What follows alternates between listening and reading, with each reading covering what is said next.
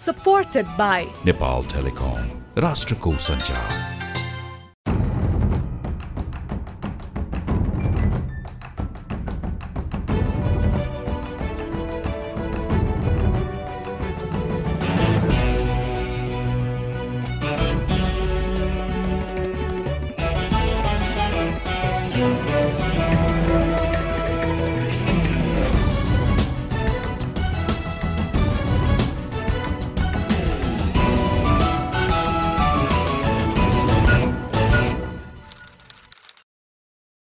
आदरणीय दर्शक तथा श्रोतावृन्द नमस्कार। कार्यक्रम टफ टकमा म दिलभूषण पाठक तपाईँ लगायत मेरा सबै सबै दर्शक तथा श्रोतालाई स्वागत गर्दछु।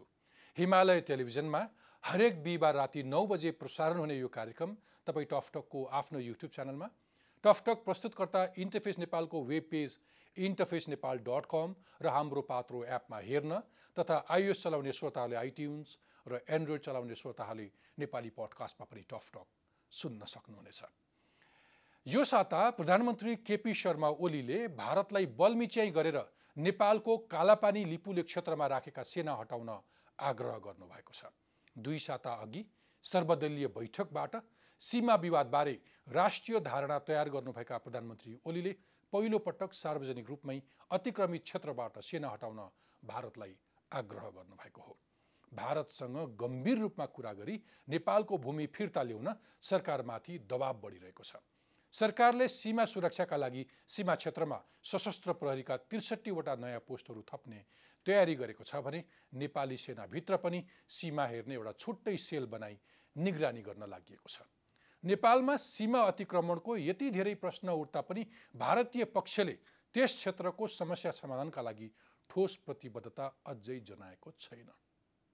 अब लागौँ आजको विषयतर्फ। आधुनिकता मौलाउँदै जाँदा हाम्रा कतिपय मौलिकता हराउँदै गएको हामीलाई पत्तै छैन अनि हाम्रा त्यस्ता कति मौलिक संस्कृति लोपोन्मुख अवस्थामै पुगेका छन्।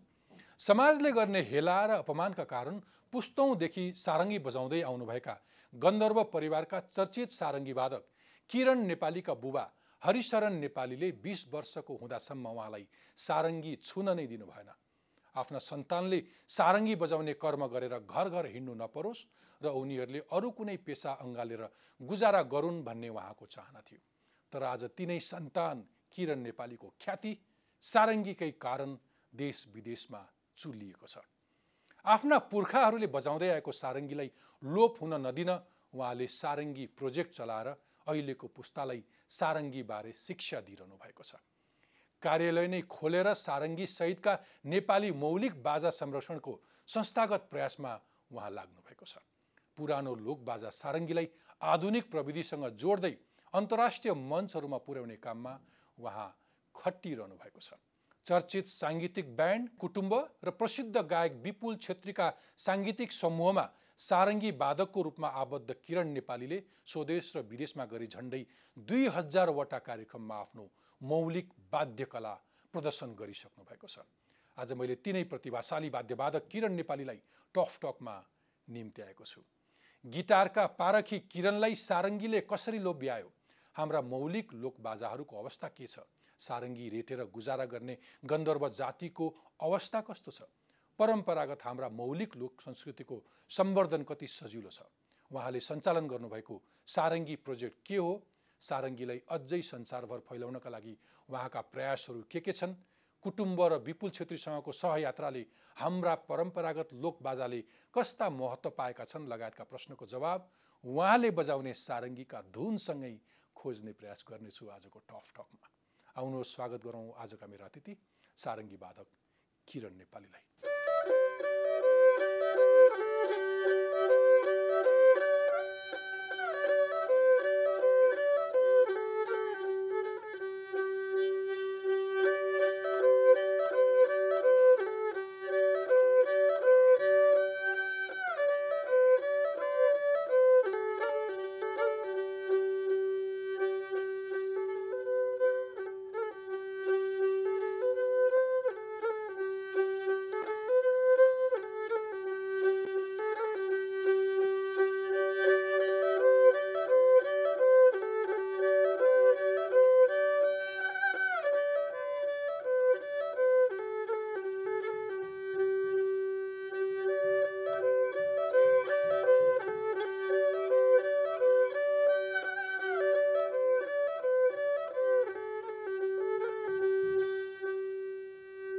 किरणजी टकटकमा स्वागत छ। धेरै धेरै धन्यवाद लुसनजी अलिकति हलुका पनि भयो होला।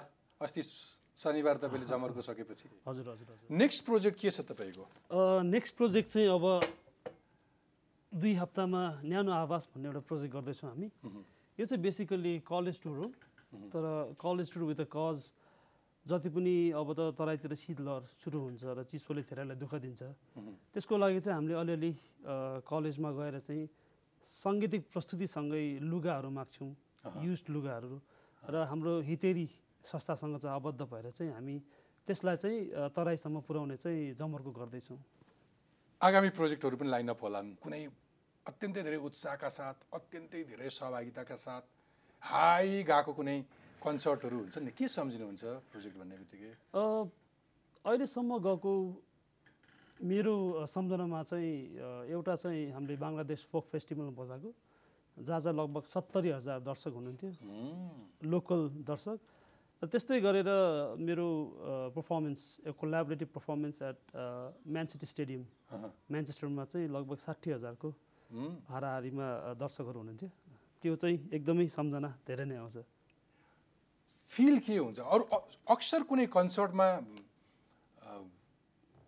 हुन त डाइभर्स म्युजिसियन्सहरूले आफ्नो आफ्नो ट्रेडिसनल कल्चरल इन्स्ट्रुमेन्टहरू त लिएर आउँछन्। तर एभरेज कन्सर्ट्सहरूमा नदेखिने खालको युनिक इन्स्ट्रुमेन्ट हुन्छ तपाईँको। त्यो रियाक्सन कस्तो हुन्छ आम मान्छेको? एकदम अचम्म हुन्छ किनभने जहाँसम्म मलाई लाग्छ सारङ्गीको आवाजले चाहिँ संसारको कुनै पनि व्यक्तिलाई चाहिँ कनेक्ट गर्दो रहेछ।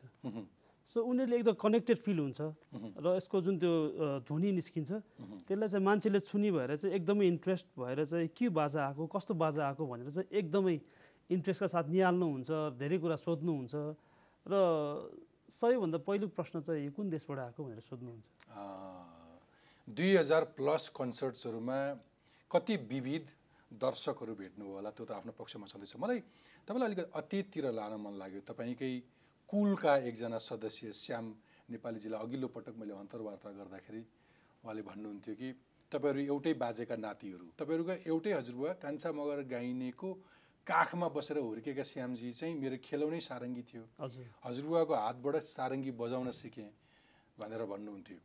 तर कस्तो विडम्बना तपाईँलाई ठिक उल्टो उनी एक भाइका छोरा थिए कान्छा मगर नेपालीका छोराका छोरा थिए। तपाईँ अर्को भाइ छोराका छोरा हुनुभयो। तर तपाईँका पिता हरिशरण नेपालीले चाहिँ तपाईँलाई यसले गाइने यसले चाहिँ म जस्तो गाइने हुनु नपरोस् अथवा यसले मेरो जस्तो सारङ्गी बजाएर हिँड्नु नपरोस् भने तपाईँलाई सारङ्गी कहिले छुनै दिनु भएन तपाईँ गिटार बजाउनुहुन्थ्यो। म गिटार बजाउँथेँ हजुर। कुन पोइन्टमा तपाईँले सारङ्गी छुनुभयो र सारङ्गी र तपाईँ कहिलेदेखि जोडिएको हुनुहुँदो रहेछ? त्यो यस्तो भयो बुवाले सिकाउनुहुन्थ्यो। म अहिले पनि सम्झिन्छु हाम्रो रनु तामाङ दाई। र सुशील गौतम दाईलाई उहाँहरू आउनुहुन्थ्यो घरमा सिक्नुहुन्थ्यो। अरू शिष्यहरू थिए तपाईँका हजुर पिताका हजुर। हजुर। अनि म चाहिँ झ्याल बसेर झ्यालबाट बाहिर बसेर हेर्थेँ। र एक दिन कस्तो फिल भयो भने म पनि बजाउन सक्छु कि जस्तो फिल भयो। अनि मैले सुटुक्क गएर मम्मीलाई चाहिँ मम्मी मलाई पनि सारङ्गी दिनु न एउटा भनेर प्रश्न गर्दाखेरि ल ल म तँलाई भोलि हेरिदिन्छु भनेर भोलि बिहान चाहिँ मलाई मम्मीले एउटा सारङ्गी दिनुभयो। र म कोठामा बसेर बजाउँदै बजाउँदै बजाउँदै सिक्थेँ र दिउँसो बजाउँथेँ मेरो आफ्टर कलेज घरमै हुन्थेँ। त्यो भनेको तपाईँले धेरै पछि बिस वर्ष पुगेपछि मात्रै पाउनुभयो। कलेज टाइममा हुँदाखेरि। त्योभन्दा अगाडि तपाईँले छुन पाउनु छैन। प्रतिबन्ध थियो। मतलब कहिलेकाहीँ इन्ट्रेस्ट लाएर छोए पनि त गिटारै बजा या त राम्रोसँग पढ भन्ने नै एउटा डिरेक्सन आउँथ्यो र डाइरेक्ट लिङ्कअप पनि नभएको। घरमा सङ्गीत छ तर म चाहिँ अलिक वेस्टर्नतिरै अ, ढल्किरहेको भएर चाहिँ त्यो एउटा मेसो नमिलेको भनौँ न। त्यसपछि चाहिँ मम्मीले सारङ्गी दिएपछि म आफै कोठामा बजाउँथेँ किनभने म्युजिकल नलेज थियो। कोठामा बजाउँथेँ र बाजे हुनुहुन्थ्यो त्यो बेलामा। उहाँले बजाउनु मनबाट निस्किन्छ तर हातले बजाउन नसक्ने स्थितिमा हुनुहुन्थ्यो। र उहाँको हात चलेको हिसाबले म चाहिँ त्यो आफै सोचेर चाहिँ बजाउँथेँ। र बाजेले चाहिँ धेरै गाइड गर्नुभएको जति पनि नेवारी धुनहरू पहिला पुरानो लोक धुनहरू चाहिँ बाजेको गाइडेन्सबाट चाहिँ मैले सिकेको हो। ओके अब तपाईँ परम्परागत गन्धर्व परिवारको एउटा पुस्ता। तिन पुस्ता त तपाईँहरू व्यावसायिक सङ्गीतमै हुनुहुन्थ्यो। हजुर। तर त्योभन्दा अगाडिका पुस्तौँ पुस्ता गन्धर्व सारङ्गी बजारै हिँड्थे। हजुर। घर परिवार खानदान चाहिँ यही सारङ्गीबाटै। आएको परिवार थियो। तर तपाईँको तिन पुस्ता चाहिँ किर्तिपुरमा बस्थे र नेवारी समुदायमा नजिक भएकोले नेवारी लय पनि बजाउनुहुन्थ्यो हजुरबुवाले त्यही भन्दै हुनुहुन्छ? हजुर लय मात्र होइन हामी स्पष्ट नेवारी पनि बोल्छौँ। सो त्यो एउटा देश संसारको भेष भने जस्तै हो। परिवारमा सबैजनाले स्पष्ट नेवार पनि बोल्नुहुन्छ। र कल्चरली पनि एकदम डाइभर्स त्यहाँबाट पनि धेरै इन्फ्लुएन्स भएको छ। र म आफै पनि धेरै गन्धर्व कम्युनिटीमा भन्दा पनि यो कम्युनिटीमा अलिकति धेरै इन्फ्लुएन्स भएको भएर चाहिँ यताको म्युजिकको प्रभाव चाहिँ अलिकति धेरै नै छ। तपाईँको पिताजीलाई चाहिँ के कुराले त्यस्तो बिझाएको रहेछ अथवा के कुराले त्यस्तो प्रभाव पारेको रहेछ कि किरणले चाहिँ सारङ्गी नबजाओस् गिटारै बजाओस् अथवा अरू कुनै पेसा अँगालोस् भन्ने सोच्नुभयो मलाई के लाग्छ भने त्यो बेलासम्म पनि एउटा फाइनेन्सियल स्टेबिलिटी चाहिँ म्युजिसियनको कसैको पनि राम्रो थिएन एउटा कुरा त। जति पनि आर्टिस्टहरू हुनुहुन्थ्यो सबजना स्ट्रगलिङै हुनुहुन्थ्यो। र मेरो बुवा पनि धेरै स्ट्रगल गरेर सङ्गीत सँगैसँगै व्यापार पनि गर्नुहुन्थ्यो। त्यो सङ्गीतले मात्रै एउटा पाल्ने स्थिति थिएन। त्यही भएर पनि मेरो बुवाले मैले राम्रोसँग पढोस् या अरू केही जागिर खाओस् भन्ने चाहिँ सोच्नुहुन्थ्यो। अरू पनि जोडिन्छ सामाजिक सामाजिक पनि छ, हेर्ने दृष्टिकोण व्यवहार अथवा भलै यसको परम्परागत इतिहास हेऱ्यो भने चाहिँ एउटा राज्यमा एउटा राजा हुँदै गर्दाखेरि त्यहाँ गन्धर्व परिवारहरूको पनि महत्त्व थियो। हो। तिनले राज्यका सूचनाहरू आम जनतासम्म पुर्याउनलाई आफ्नो लयमा आफ्नो भाकामा समाचार बोकेर हिँड्थे होइन? यद्यपि त्यो एउटा एउटा महत्त्वपूर्ण काम हुँदाहुँदै पनि समाजले चाहिँ यी गाइने हुन् भन्ने खालको एक किसिमको व्यवहार पनि थियो। अ, म कसरी हेर्छु यो कुरालाई भन्दाखेरि चाहिँ जे कुराको पनि डिमान्ड एन्ड सप्लाई एउटा मिल्नु पर्दो रहेछ कि? जस्तै हाम्रो भनाइ छ नि video kill the radio stars भने जस्तै। त्यसरी नै यो हाम्रो रेडियो टेलिभिजन इन्टरनेटले जुन त्यो इन्टरटेनमेन्टको एउटा सेगमेन्ट ओभरल्याप गर्थ्यो। त्यसरी नै जुन गन्धर्वको चलिआएको परम्परागत पेसा भनौँ न गाउने बजाउने इन्टरटेनमेन्ट न्युजको एउटा सोर्स नै बन्द भएको जस्तो भएर चाहिँ एउटा र किनभने मान्छेले एउटा फाइनेन्सियल इन्कम गर्ने बाटो बन्द भएपछि चाहिँ डाइभर्स हुन्छ। र पेसाहरू छोड्दै जान्छ। त्यसरी नै एउटा त्यसको इफेक्ट देखिन्छ। पछिल्लो आधुनिकीकरणसँगै यो पेसा सङ्कटमा पर्यो भनेर भन्दै हुनुहुन्छ तपाईँले। आजको दिनसम्म कहाँ कहाँ कस्तो कस्तो पर्फर्म गर्नुभयो? धेरैवटा पर्फर्म गरियो। दुईजनादेखि लिएर सत्तरी अस्सी हजार लाइक पनि बजाइयो। सो एउटा जर्नी चाहिँ लामै भयो। धेरै कन्सर्टहरू गरियो। गाउँ गाउँ घुमियो टोल टोल घुमियो जुन नेपाली बाजाको पर्सेप्सन जनमानसमा चाहिँ परिवर्तन गर्न पाइयो त्यो चाहिँ एउटा गर्वको कुरा लाग्छ।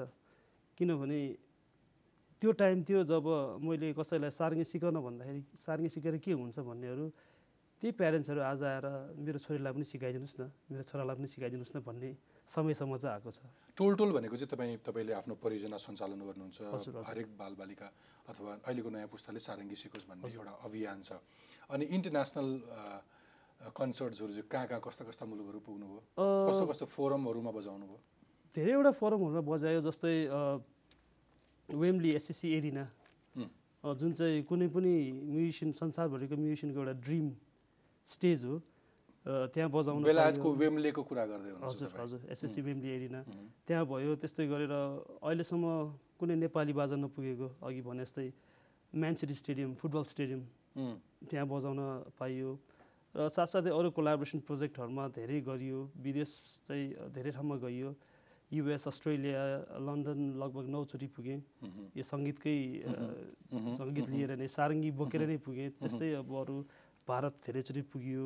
पाकिस्तान पुगियो बङ्गलादेश पुगियो धेरै देशहरू अ, मा गएर सारङ्गी चाहिँ सुनाउन पाइयो र यी इभेन्टहरू चाहिँ अब नेपाली डायस्पोराले तपाईँलाई बोलाउँदाखेरि चाहिँ एउटा नेपाली डायस्पोरा नेपाली समुदायले आफ्ना केही कार्यक्रमहरूमा बोलाउने त छँदैछ। त्योभन्दा बाहेक चाहिँ स्टेट लेभलबाट पनि इन्भिटेसन आउँछ हजुर त्यो पनि आउँछ फर्मल प्रोग्राम्सहरूमा। कुनै इभेन्ट्सहरूमा। पनि त्यो पनि आउँछ साथसाथै तपाईँको उताको लोकल म्युजिसियन कम्युनिटीले पनि बोलाइरहेको हुन्छ जस्तै हामी स्कटल्यान्ड गयौँ त्यहाँको लोकल ब्यान्ड्सहरूले हजुर लोकल अर्गनाइजेसनहरूले पनि निमन्त्रणा दिनुहुन्छ। त्यसरी हामी स्कटल्यान्ड पनि टुर गर्न पायौँ म्युजिकको रिसर्च गर्दै सिक्दै। ओके एक्सचेन्ज प्रोग्राम्सहरू हुन्छ? होइन बेसिकली टुरै हो तर मोर अफ नेपालको म्युजिक त्यहाँ सुनाउने नेपाललाई चिनाउने एउटा जमरको जस्तै एउटा कार्यक्रम भनौँ न। पब्लिकमा फर्स्ट पर्फर्मेन्स कहिले गर्नुभएको थियो? यो चाहिँ इन्ट्रेस्टिङ छ। फर्स्ट सारङ्गी बजाएको चाहिँ मैले कुटुम्बसँगै हो। त्यो ब्याक देन मैले सिकेको त तिन चार महिना मात्रै भएको थियो। अलिअलि लटर पटर गर्दै थिएँ। ए। अनि त्यो बेलामा चाहिँ कुटुम्बसँग स्टेज सेयर गर्ने मौका पाएको थिएँ गुरुकुलमा यो चेन्ज भन्ने कार्यक्रम हुन्थ्यो कुटुम्बको। र कुटुम्बबाट नै मैले एउटा अवसर प्राप्त गरेको थिएँ सारङ्गी बजाउने। र त्यसपछिको पर्फर्मेन्स त्यहाँबाट सिधै जानकी मन्दिरको प्राङ्गणमा थियो। त्यहाँ चाहिँ लगभग सेभेन थाउजन्ड प्लस मान्छेहरू हुनुहुन्थ्यो। र त्यो बेलामा बजायो जब तराई र मधेसमा अलिकति मनमुटाव यो सङ्क्रमण काल थियो म सम्झिन्छु तपाईँको त्यो यात्रा। सङ्क्रमण काल थियो र सङ्गीतबाट मनहरूलाई एकत्रित गर्नुपर्छ। अलिकति द्वन्द्वबाट मुलुक सङ्क्रमणमा आउँदै गर्दाखेरि समुदायहरू अलिकति विभाजित थिए जात जातिका नाराहरू लागिरहेको थिए। त्यो बेलामा चाहिँ एउटा गन्धर्व परिवारको नेपाली कुटुम्बमा अरू धेरै नेवारी समुदायका साथीहरू अनि नेवारी सङ्गीत तलको मैथिली म्युजिक सबलाई फिक्स त्यो फ्युजन गरेर तपाईँहरू जनकपुरमा जाँदै हुनुहुन्थ्यो। त्यो मन्दिरको अगाडि। सुनौँ न त्यो ट्र्याक। दर्शकलाई इन्ट्रेस्टिङ लाग्न सक्छ कस्तो ट्र्याक थियो त्यो। अति रमाइलो ट्र्याक छ। मलाई इन्ट्रेस्टिङ लागेको ट्र्याक थियो। त्यो चाहिँ एउटा झिझिया भन्ने। दसैँमा बज्ने ट्र्याक रहेछ। त्यो विशेष गरी त्यो भूत भगाउने ट्र्याक रहेछ। त्यो चाहिँ एकदम इन्ट्रेस्टिङ लाग्थ्यो मलाई र मलाई पनि मनपर्ने ट्र्याक थियो त्यो एकदम। अलिक फास्ट बिटकै छ।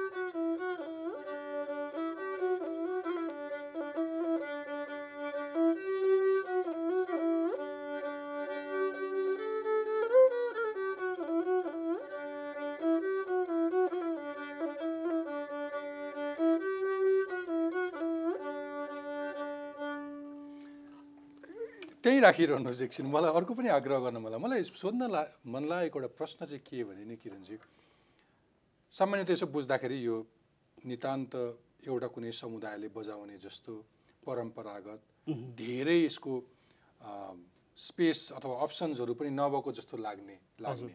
तर म सम्झिन्छु फेरि तपाईँका दाइले अघिल्लो पटक यही सोमा कर्णालीको एउटा लोक भाका बजाउनु भएको थियो। तपाईँले अहिले मधेसको एउटा भाका बजाउनु भयो त्योभन्दा बाहेकमा तपाईँको अन्तर्वार्तामा बोलाउने सिलसिलामा रिसर्च गर्दै थिएँ। तपाईँले अरू वेस्टर्न म्युजिकहरूमा पनि बजाउनु भएको छ। हजुर। अघि मैले भने जस्तै हेर्दाखेरि चाहिँ एउटा इन्स्ट्रुमेन्ट तर इन्स्ट्रुमेन्ट चाहिँ कहिले पनि लोकल भइकन पनि त्यो ग्लोकल पनि हुँदो रहेछ होइन? इन्टरनेसनल पनि हुँदो रहेछ होइन. तपाईँले अवस्था अनुसार कुनै पनि म्युजिक बजाउन सकिँदो रहेछ। हजुर हजुर। होइन?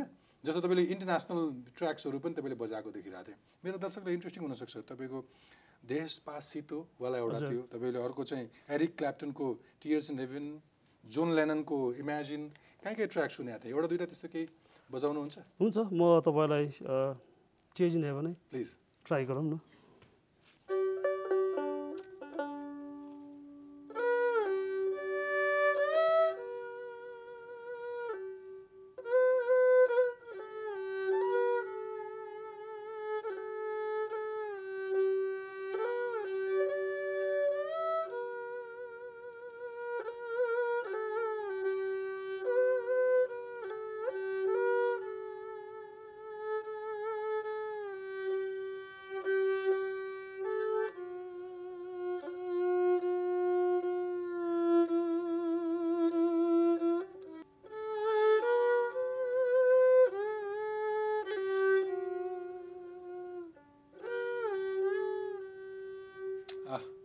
रोक्नै मन लागेन। फेरि अर्को पनि मसँग छ। तपाईँले अर्को एउटा नेपाली होली ट्युन पनि कहीँ देखाएको थिएँ मैले। हजुर हजुर। अर्को तपाईँको माया रे रतना। हजुर। एउटा जुन एउटा जुन पिस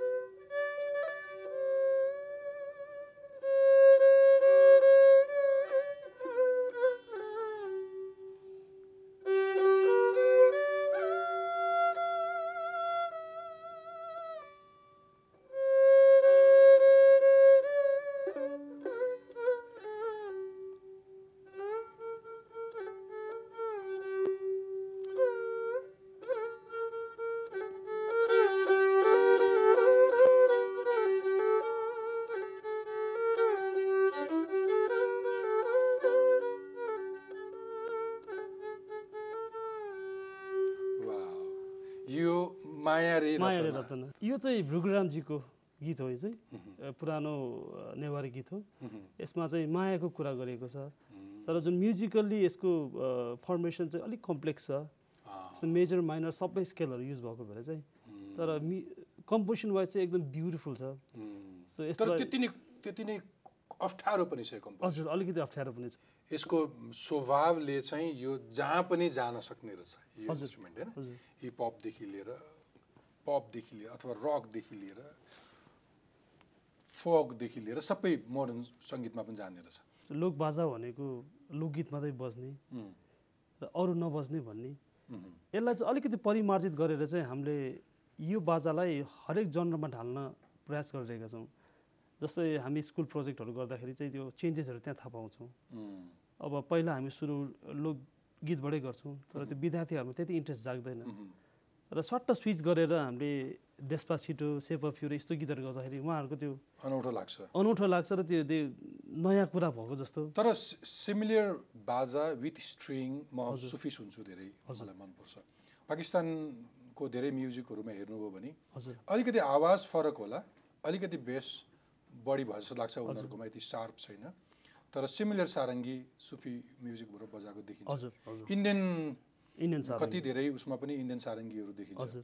भायोलनको अथवा सेलोको आवाज ठ्याक्कै श्यामजीले पहिले निकाल्नु भएको थियो। स्ट्रिङ हो अकोस्ट्रिक हो काहीँ न काहीँ स्वभाव त मिलिहाल्छ।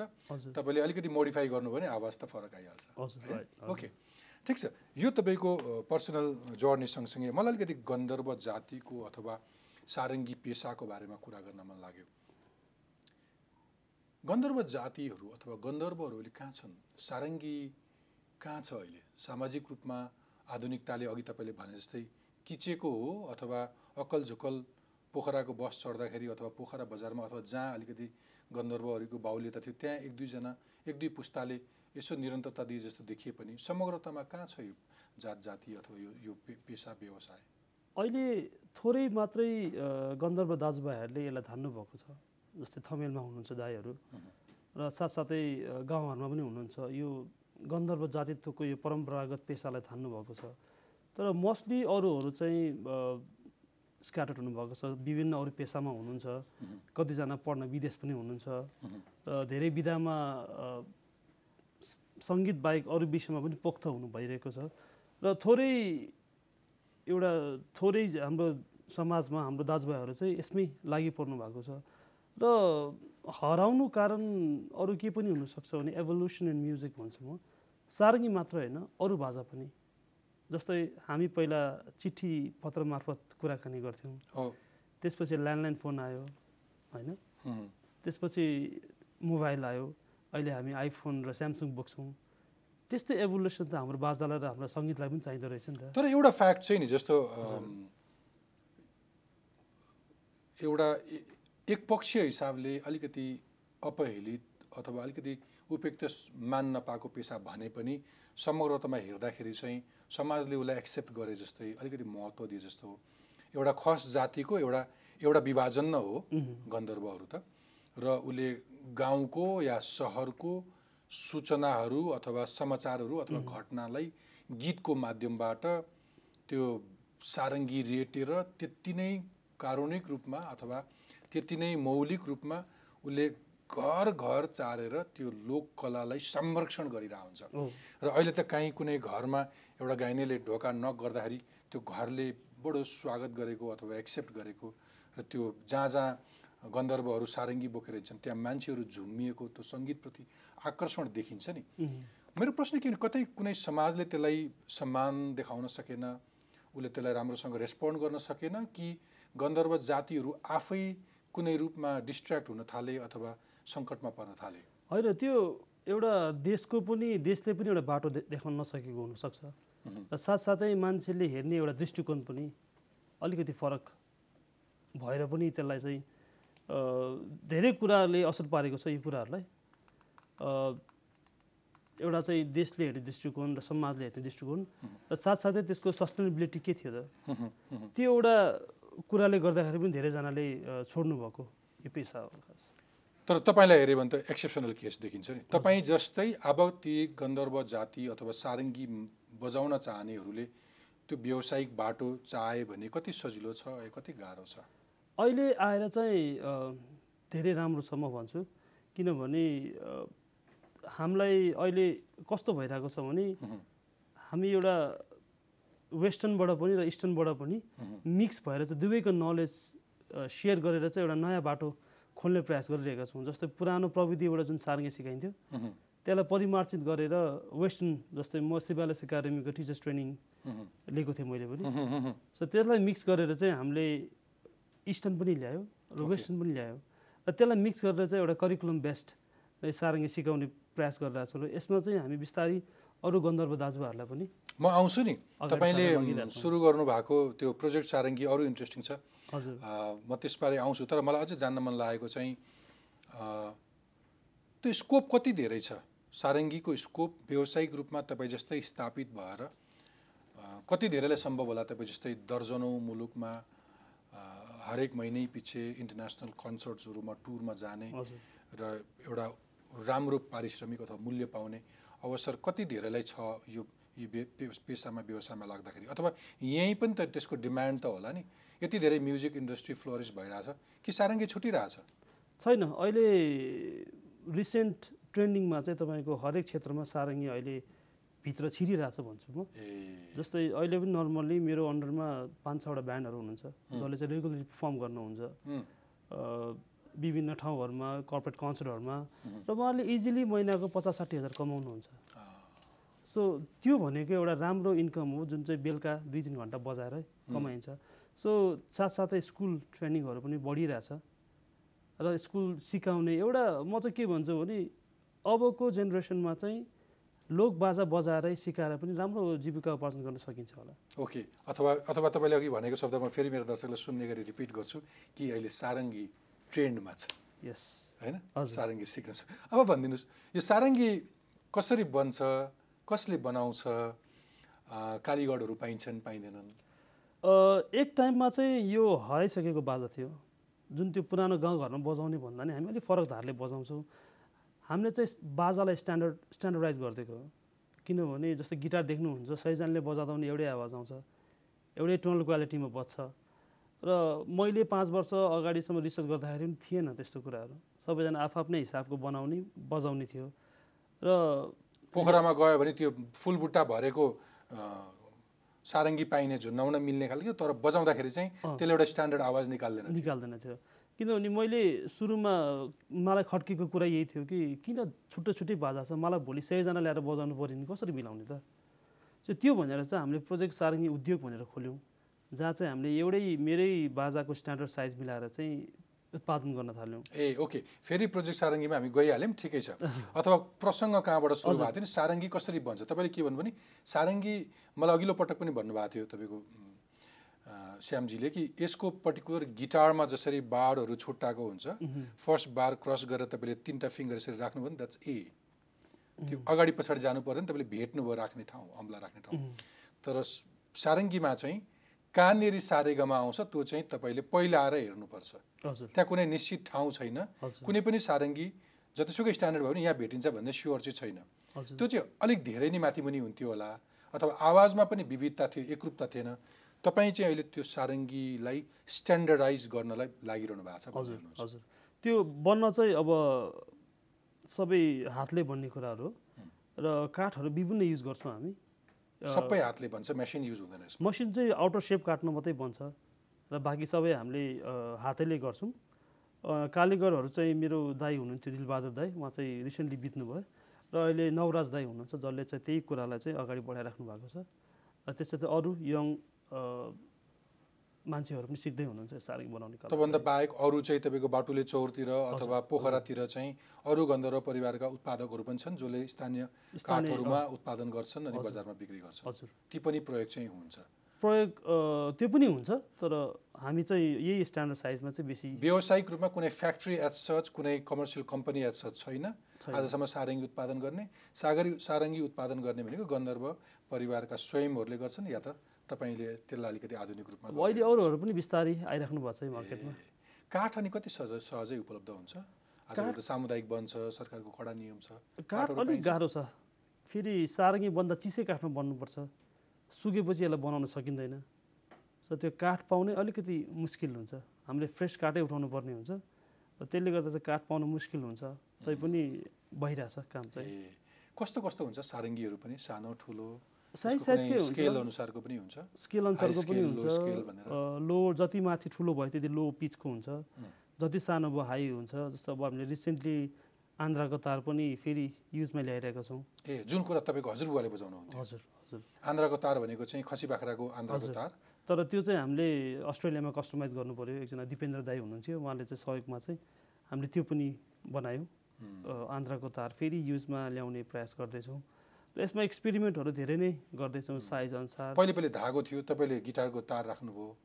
यो गिटारको तार मात्रै होइन कि यो हामी बाहिरबाट इम्पोर्टै गर्छौँ तारहरू चाहिँ। विभिन्न तारहरू एक्सपेरिमेन्ट गर्छौँ। अहिले चाहिँ मैले इरु इरु भन्ने बाजाको युज गरिरहेको छु। त्यो चाहिँ कि आइदर जापान र चाइनाबाट इम्पोर्ट गर्नुपर्छ। र बिचको तारहरू पनि त्यही कस्टमाइज गर्दै बनाउँछौँ हामी। कति महँगो पर्छ यो बनाउनलाई? बनाउनु महँगो भन्दा पनि रिक्स फ्याक्टर धेरै हाई हुन्छ। जस्तै दसवटा बन्दाखेरि तिनवटा चारवटा चाहिँ बनाउनै। नमिल्ने खालको। हुन्छ। टाइम पनि धेरै लाग्छ बनाउन। किनभने फेज वाइज जानुपर्छ हामी। पहिला आउटर सेप काट्यो त्यसलाई सुकायो ब्लेन्डिङ गर्यो त्यसपछि रेडी गर्यो त्यसको क्वा साउन्ड क्वालिटी चेक गर्यो। एटलिस्ट एउटा सारङ्गी भन्दा एटलिस्ट दुई महिनादेखि साढे दुई महिना चाहिँ अवश्य लाग्छ। एउटा प्रपर स्ट्यान्डर्ड सारङ्गी निकाल्नु उसको सिपको त्यो समयको मूल्य कति हुन्छ त्यसको? ओके ओके ल आउनुहोस् अब तपाईँको प्रोजेक्ट सारङ्गीकै बारेमा कुरा गर्न मन लाग्यो। चलिरहेको थियो। एउटा राम्रो ब्यान्डमा बजाइरहनु भएको थियो व्यस्त हुनुहुन्थ्यो। प्रोजेक्ट सारङ्गी के हो? कसरी जन्मियो? किन जरुरी भयो? एउटा सानो सोच थियो। मलाई एक दिन म बाहिर हुँदा सोच आएको कुरा हो। अब म सानैदेखि प्रोफेसनली सार्गी बजाउँछु भनेर आएको व्यक्ति पनि होइन। यो बिचमा आएर सारङ्गीमा छिरियो र सानोतिनो सफलता प्राप्त भयो। अनि सोच्दै जाँदा चाहिँ मलाई सारङ्गीले धेरै कुरा दिइसकेको रहेछ।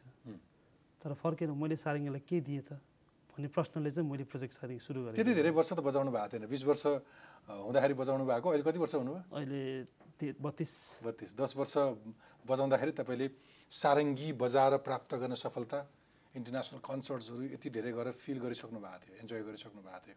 आई मिन म गिटारमा लागेर मैले आफ्नो आइडेन्टिटी कहिले नपाएको मान्छे सारङ्गी बजाएर त्यसरी टुर गर्दा र मान्छेले एप्रिसिएट गर्दा चाहिँ मैले धेरै कुरा पाएँ जस्तो दस वर्षमा। फिल गरेँ। र त्यसपछि चाहिँ मैले के दिएँ त बाजालाई? दस बाह्र वर्ष भनौँ न। तर तपाईँले सुरु गर्नुभएको सारङ्गी प्रोजेक्ट सुरु गरेको पनि झन्डै सात आठ वर्ष भयो। पाँच छ वर्ष भयो। पाँच छ वर्ष भइसक्यो। अनि त्यही सोचले चाहिँ मैले सुरु गरेको सारङ्गीलाई के दिन सक्छु कि भनेर प्रोजेक्ट सारङ्गी चाहिँ। किनभने त्यो बेलामा फर्मल एजुकेसन दिने ठाउँ केही पनि थिएन। बाजाको स्ट्यान्डर्डाइजेसन केही पनि थिएन। र मान्छेको सारङ्गीप्रतिको दृष्टिकोणै डिफ्रेन्ट थियो। यसो भन्दा हुन्छ त्यसो भए नेपालको उसमै एउटा पहिलो किसिमको इन्स्टिट्युसन हो जसले सारङ्गी एज सचलाई अलिकति अर्गनाइज र त्यसलाई अलिकति फोकस्ड फोकस गर्न खोजिरहेको छ हजुर। अरू कुनै संस्थाहरू थिएन। अरूहरू थियो तर स्पेसिफिक र फोकस थिएन। थिएन। ए। त्यही भएर चाहिँ यसमा अलिकति बेसी मिहिनेत गरेर चाहिँ हामीले काम गरिरहेको छौँ। र अर्को प्रश्न चाहिँ सारङ्गी बजाएपछि के गर्ने त? ल मैले सारङ्गी बजाएँ प्लेटफर्म त चाहियो। चाहियो। सो त्यो प्लेटफर्म क्रिएट गर्ने कामहरू पनि बिस्तारै हामी प्रोजेक्ट सारङ्गी थ्रुबाटै गर्छौँ।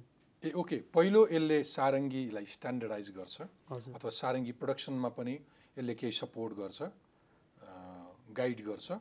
अर्को चाहिँ ट्रेनिङ दिनुहुन्छ। हजुर फर्मल एजुकेसन हुन्छ। फर्मल एजुकेसनै हुन्छ। स्कुलै छ तपाईँहरूको? स्कुलै छ हजुर। कति लामो हुन्छ? है हाम्रो तिन तिन महिनाको कोर्स तिन तिन महिनाको प्याकेज हुन्छ। जो कोही पनि आएर सिक्न सक्छ। एकदम। कुन कुन जात जातिका कुन कुन वर्ग उमेर समूहका छन्? अहिले चाहिँ एकदम इन्ट्रेस्टिङ फ्याक्ट छ हाम्रो। स्टुडेन्ट एज हेऱ्यो भने आठ नौ वर्षदेखि छैसठी वर्षसम्म हुनुहुन्छ। कति? छैसठी छैसठीसम्म हुनुहुन्छ। र आई थिङ्क कुनै जात भनेर हामीले डिभाइडै गर्नु परेको छैन कि? किन त नेवार पनि हुनुहुन्छ तामा अथवा मैले भन्न खोजेको के भने कुनै समय यो गन्धर्वले बजाउने इन्स्ट्रुमेन्ट अहिले चाहिँ कुनै समय उपल्लो जात भनिने कुनै राजा महाराजाको परिवार भनिने कुनै व्यापारी घराना भनिने हजुर। होइन? अथवा कुनै निश्चित सीमान्तकृत अथवा तल्लो जाति भनिने। कुनै जातको सीमा छैन। सबैको चासो छ अहिले। अहिले म चाहिँ के भन्छु भने हामी लोकबाजा भन्छौँ। हाम्रो समस्त बाजाहरूलाई लोक बाजा भन्छ। सबैको हो नि त। लोक जगतकै हो। जगतकै हो। सबैको हो। मेरो मात्र बाजा होइन नि यो।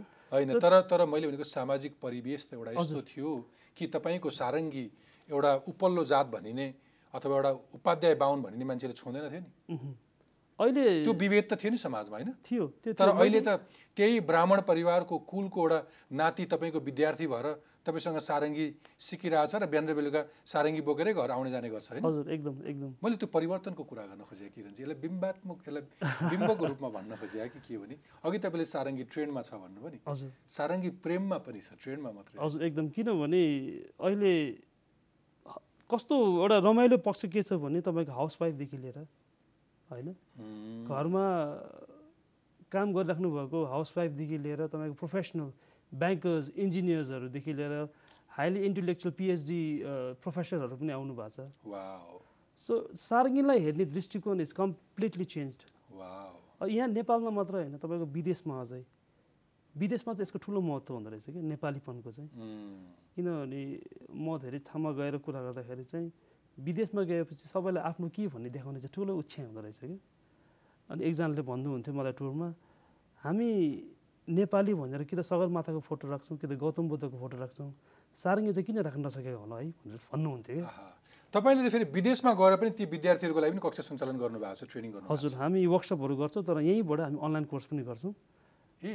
सो यहीँ बसेर चाहिँ हामी विभिन्न देशमा जस्तै क्यानाडामा हुनुहुन्छ युएसमा अस्ट्रेलिया युके इजरायलमा पनि हुनुहुन्छ। विदेशमा बस्ने नेपालीहरूले तपाईँसँग अनलाइनमा सारङ्गी सिक्न हजुर र तपाईँ भिजिट गर्दाखेरि पनि त्यहाँ पनि केही वर्कसपहरू हजुर गर्छु हजुर। सो एउटा अहिले हामी सोसियल मिडियाको कुरा गर्छौँ त्यसलाई नै युज गरेर चाहिँ हामीले धेरै नै सारङ्गीलाई प्रचार प्रसारदेखि लिएर फर्मल एजुकेसन पनि बाँडिरहेका छौँ। प्लस यो चाहिँ नेपालको इन्स्ट्रुमेन्टै पनि भनिरहनु भयो होला। हजुर। किनभने नेपाल विदेशमा बसेर चाहिँ यो नेपाली हो भनेर देखाउन चाहिँ सबैलाई एकदम एउटा प्राउडको मोमेन्ट हुँदो रहेछ अब अघिको विषयमा जाउँ तपाईँको प्रोजेक्टको बारेमा मलाई त्यसको केही पक्षहरू के लाउन मन लागेको तपाईँले सारङ्गी स्ट्यान्डर्डाइज गर्नुहुन्छ ट्रेनिङ दिनुहुन्छ यो अनलाइन कोर्स देश विदेशमा गएर बस्नेले पढ्न पाए त्योभन्दा बाहेक तपाईँले एउटा जमर्को भन्ने कार्यक्रम चलाउनुहुन्छ यो कस्तो कार्यक्रम भनिदिनुहोस्? जम्बुरको चाहिँ एउटा प्लेटफर्म क्रिएट क्रिएट गर्न खोजेको हामीले।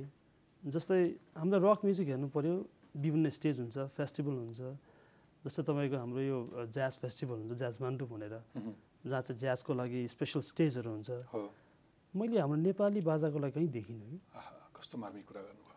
म पनि पटक पटक जाज जहाँ पनि हरेक वर्षको ज्याज फेस्टिभलका केही न केही इभेन्ट्सहरू एटेन्ड गर्छु किनभने साह्रै सुन्दर लाग्छ पनि। तर हामीले त्यही सारङ्गीको चाहिँ गर्न सकेका छैनौँ इभेन्ट त्यही कुरालाई देखेर चाहिँ त्यही कुरा खट्केर चाहिँ मैले जम्बरको जात्रा सुरु गरेको। जहाँ चाहिँ तपाईँको थोरै एकजना या दुईजना पपुलर आर्टिस्ट आउनुहुन्छ होला। त्यसभन्दा बाहेक पञ्चे बाजा नेवारीको ढा बाजा टुङ्ना सारङ्गी समस्त सारङ्गी जति भेट्छु नि म उहाँहरूलाई निमन्त्रणा दिएर चाहिँ एउटा स्टेज प्लेटफर्म दिन खोजिरहेको छु मौलिक नेपाली एउटा कल्चरल इभेन्टलाई तपाईँले जमर्को भन्नुहुन्छ हजुर यो हरेक वर्ष हरेक वर्ष। अस्ति शनिबार गरे। शनिबार भयो जस्तै अनि अहिले सुरु सुरुमा त गाह्रो थियो किनभने जस्तो स्पेसली नेवार नेवारी कम्युनिटीमा चाहिँ त्यो बाजा चाहिँ एकदम प्रिजर्भ हुन्छ क्या उहाँहरूको। सो उहाँहरूलाई अलिक कन्भिन्स गरेर ल्याउन त थोरै गाह्रो भएको थियो तर जुन मेरो कन्सेप्ट उहाँहरूले बुझेपछि चाहिँ उहाँहरूको त एउटा स्केड्युल अथवा एउटा रुटिन हुन्छ। हजुर। क्यालेन्डर हुन्छ नि सङ्गीत बजाउने पनि हजुर राइट त्यसलाई तपाईँले ब्रेक गरेर तपाईँले अर्को छुट्टै क्यालेन्डर बनाउनु भयो। हजुर। अहिले चाहिँ एकदम उत्साहजनक एउटा उत्साहजनक समावेश जमरको चौथो वर्ष थियो। यो चौध वर्ष हजुर। तपाईँले सारङ्गी भेला पनि गर्नुहुन्छ। हजुर। त्यो के हो? सारङ्गी भेला चाहिँ जस्तै म्युजिक भनेको नलेज हो। नलेज सेयरिङ हुनुपर्छ भन्ने हाम्रो विश्वास हो। थेरापी पनि हो त। के के हो के? तर सारङ्गीमा विशेष जुन एउटा अघि भन्नुभयो नि पुरानो बजाउने एउटा छुट्टै प्रकारको छ अनि नयाँ ट्रेन्डिङ छुट्टै छ। त्यसलाई चाहिँ एउटै थलोमा ल्याएर चाहिँ एउटा नलेज सेयरिङ म्युजिकको एक्सपिरियन्स सेयरिङ र एउटा प्लेटफर्म पनि हो जहाँ चाहिँ सबैले ओपन प्लेटफर्ममा बजाउनुहुन्छ इन्सपायर गर्नुहुन्छ। र त्यहाँ डिस्कसन कुरा कार्यक्रम हुन्छ हाम्रो। र एउटा सबै सारङ्गी प्लेयरलाई एउटै ठाउँमा ल्याएर चाहिँ एउटा सेलिब्रेसन जस्तो सानो यो यो पनि एनुअल इभेन्ट हो। यो चाहिँ हामी महिनाको तिन महिनाको एकचोटि गर्छौँ। तिन महिनामा एकचोटि। मार्च महिनालाई तपाईँले सारङ्गी महिना भनेर घोषणा गर्नुभएको छ। हजुर। तपाईँको आफ्नो इनिसिएसनमा कुनै स्टेटको कुनै अफिसियल होइन तपाईँ आफूले हजुर। भनिदिनु भयो यो सारङ्गी महिना। त्यो महिनामा के हुन्छ कसरी को आएर के गर्छ? यो चाहिँ एकदम इन्ट्रेस्टिङ पक्ष छ। मैले टु थाउजन्ड सिक्सटिनदेखि सुरु गरेको हो। अहिले म्युजिसियनहरूको मेन सोर्स अफ इन्कम भनेको गिग पर्फर्मेन्स धेरै रेस्टुरेन्टहरूमा कन्सर्ट भेन्यूमा गिग गर्नुहुन्छ। त्यो चाहिँ उहाँहरूको मेन इन्कम सोर्स भइरहेछ। त्यसलाई वेस्टर्नलाई बाजालाई अलिक ब्रेकडाउन गरेर चाहिँ हाम्रो नेपाली बाजा छिराउने चाहिँ एउटा प्रयास थियो त्यो। त्यो बेलामा चाहिँ हामीले लगभग सबैजना साथीहरू नि हुनुहुन्थ्यो रेस्टुरेन्ट सञ्चालकहरू। गएर कुरा गरेर चाहिँ एउटा इभेन्ट राखिदिउँ न भनेर। कुरा गर्दा गर्दा हामीसँग सारङ्गी सिक्ने विद्यार्थीहरू बजाउँदै गरे गर्नुभएकाहरू थियो। त्यो महिनामा हामीले लगभग चौसठीवटा कन्सर्ट गऱ्यौँ। Oh. विभिन्न ठाउँमा दिनमा त चार पाँचवटा पनि ठाउँमा विभिन्न ठाउँमा थियो। त्यसरी चाहिँ रेस्टुरेन्टमा पनि या त्यस्तो ठाउँहरू नेपाली म्युजिक चल्दो रहेछ नि भन्ने एउटा कन्सेप्ट चाहिँ खुलेको Ah, जस्तो लाग्यो मलाई। त्यही भएर आजभोलि तपाईँ जहाँ जानुहोस् वेस्टर्न ब्यान्डमा पनि एउटा न एउटा नेपाली बाजा छिरिरहेको हुन्छ। सो त्यो एउटा हामीले नेपाली बाजालाई छिराउने चाहिँ एउटा सफलता प्राप्त गरेको जस्तो लाग्छ मलाई। र अहिले बिस्तारै विभिन्न ठाउँबाट हामीलाई एप्रोच आउँछ। तपाईँको एलफदेखि लिएर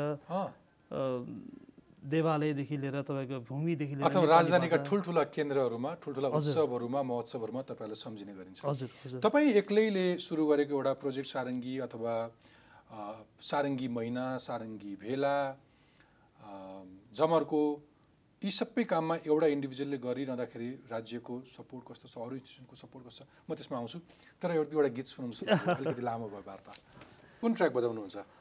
यो चाहिँ मलाई एकदम मनपर्ने ट्र्याक हो। मैले यो चाहिँ धेरै अगाडिदेखि सुन्दै आएको र मन परेको गीत हो जन लेननको इमेजिन जसले चाहिँ शान्तिको एउटा सन्देश दिन्छ।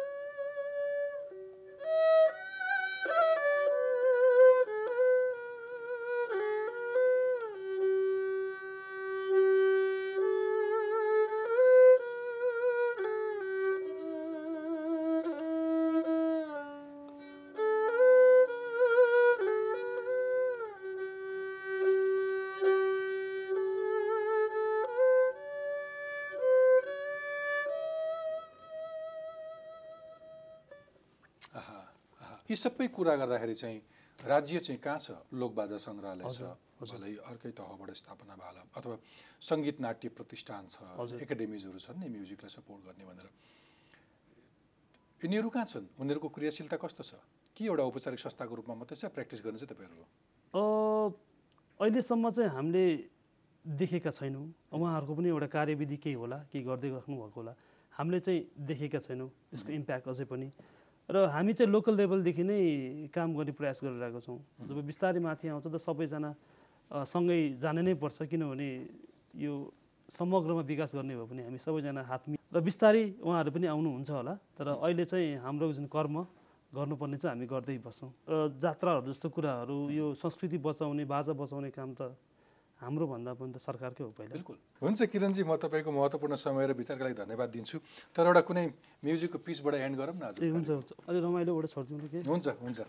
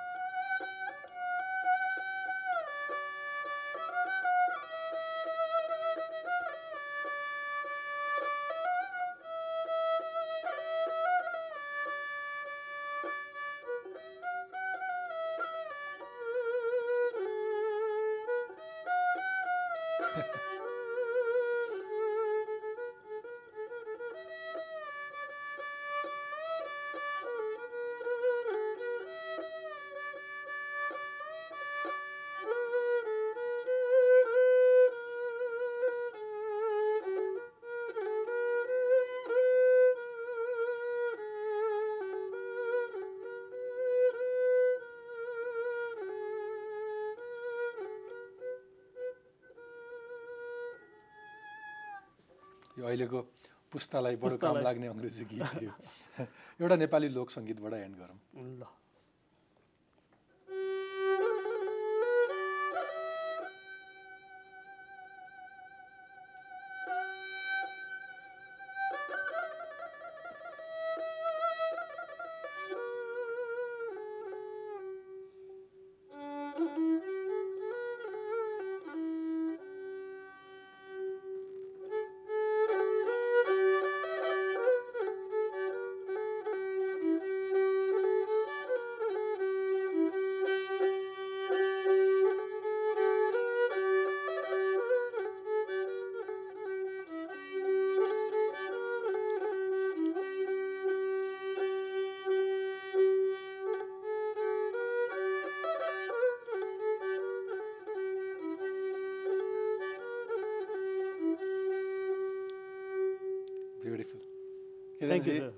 फेरि भेट्दै गर्छौँ हामी अवश्य अवश्य र विचारका लागि धेरै धेरै धन्यवाद। Thank you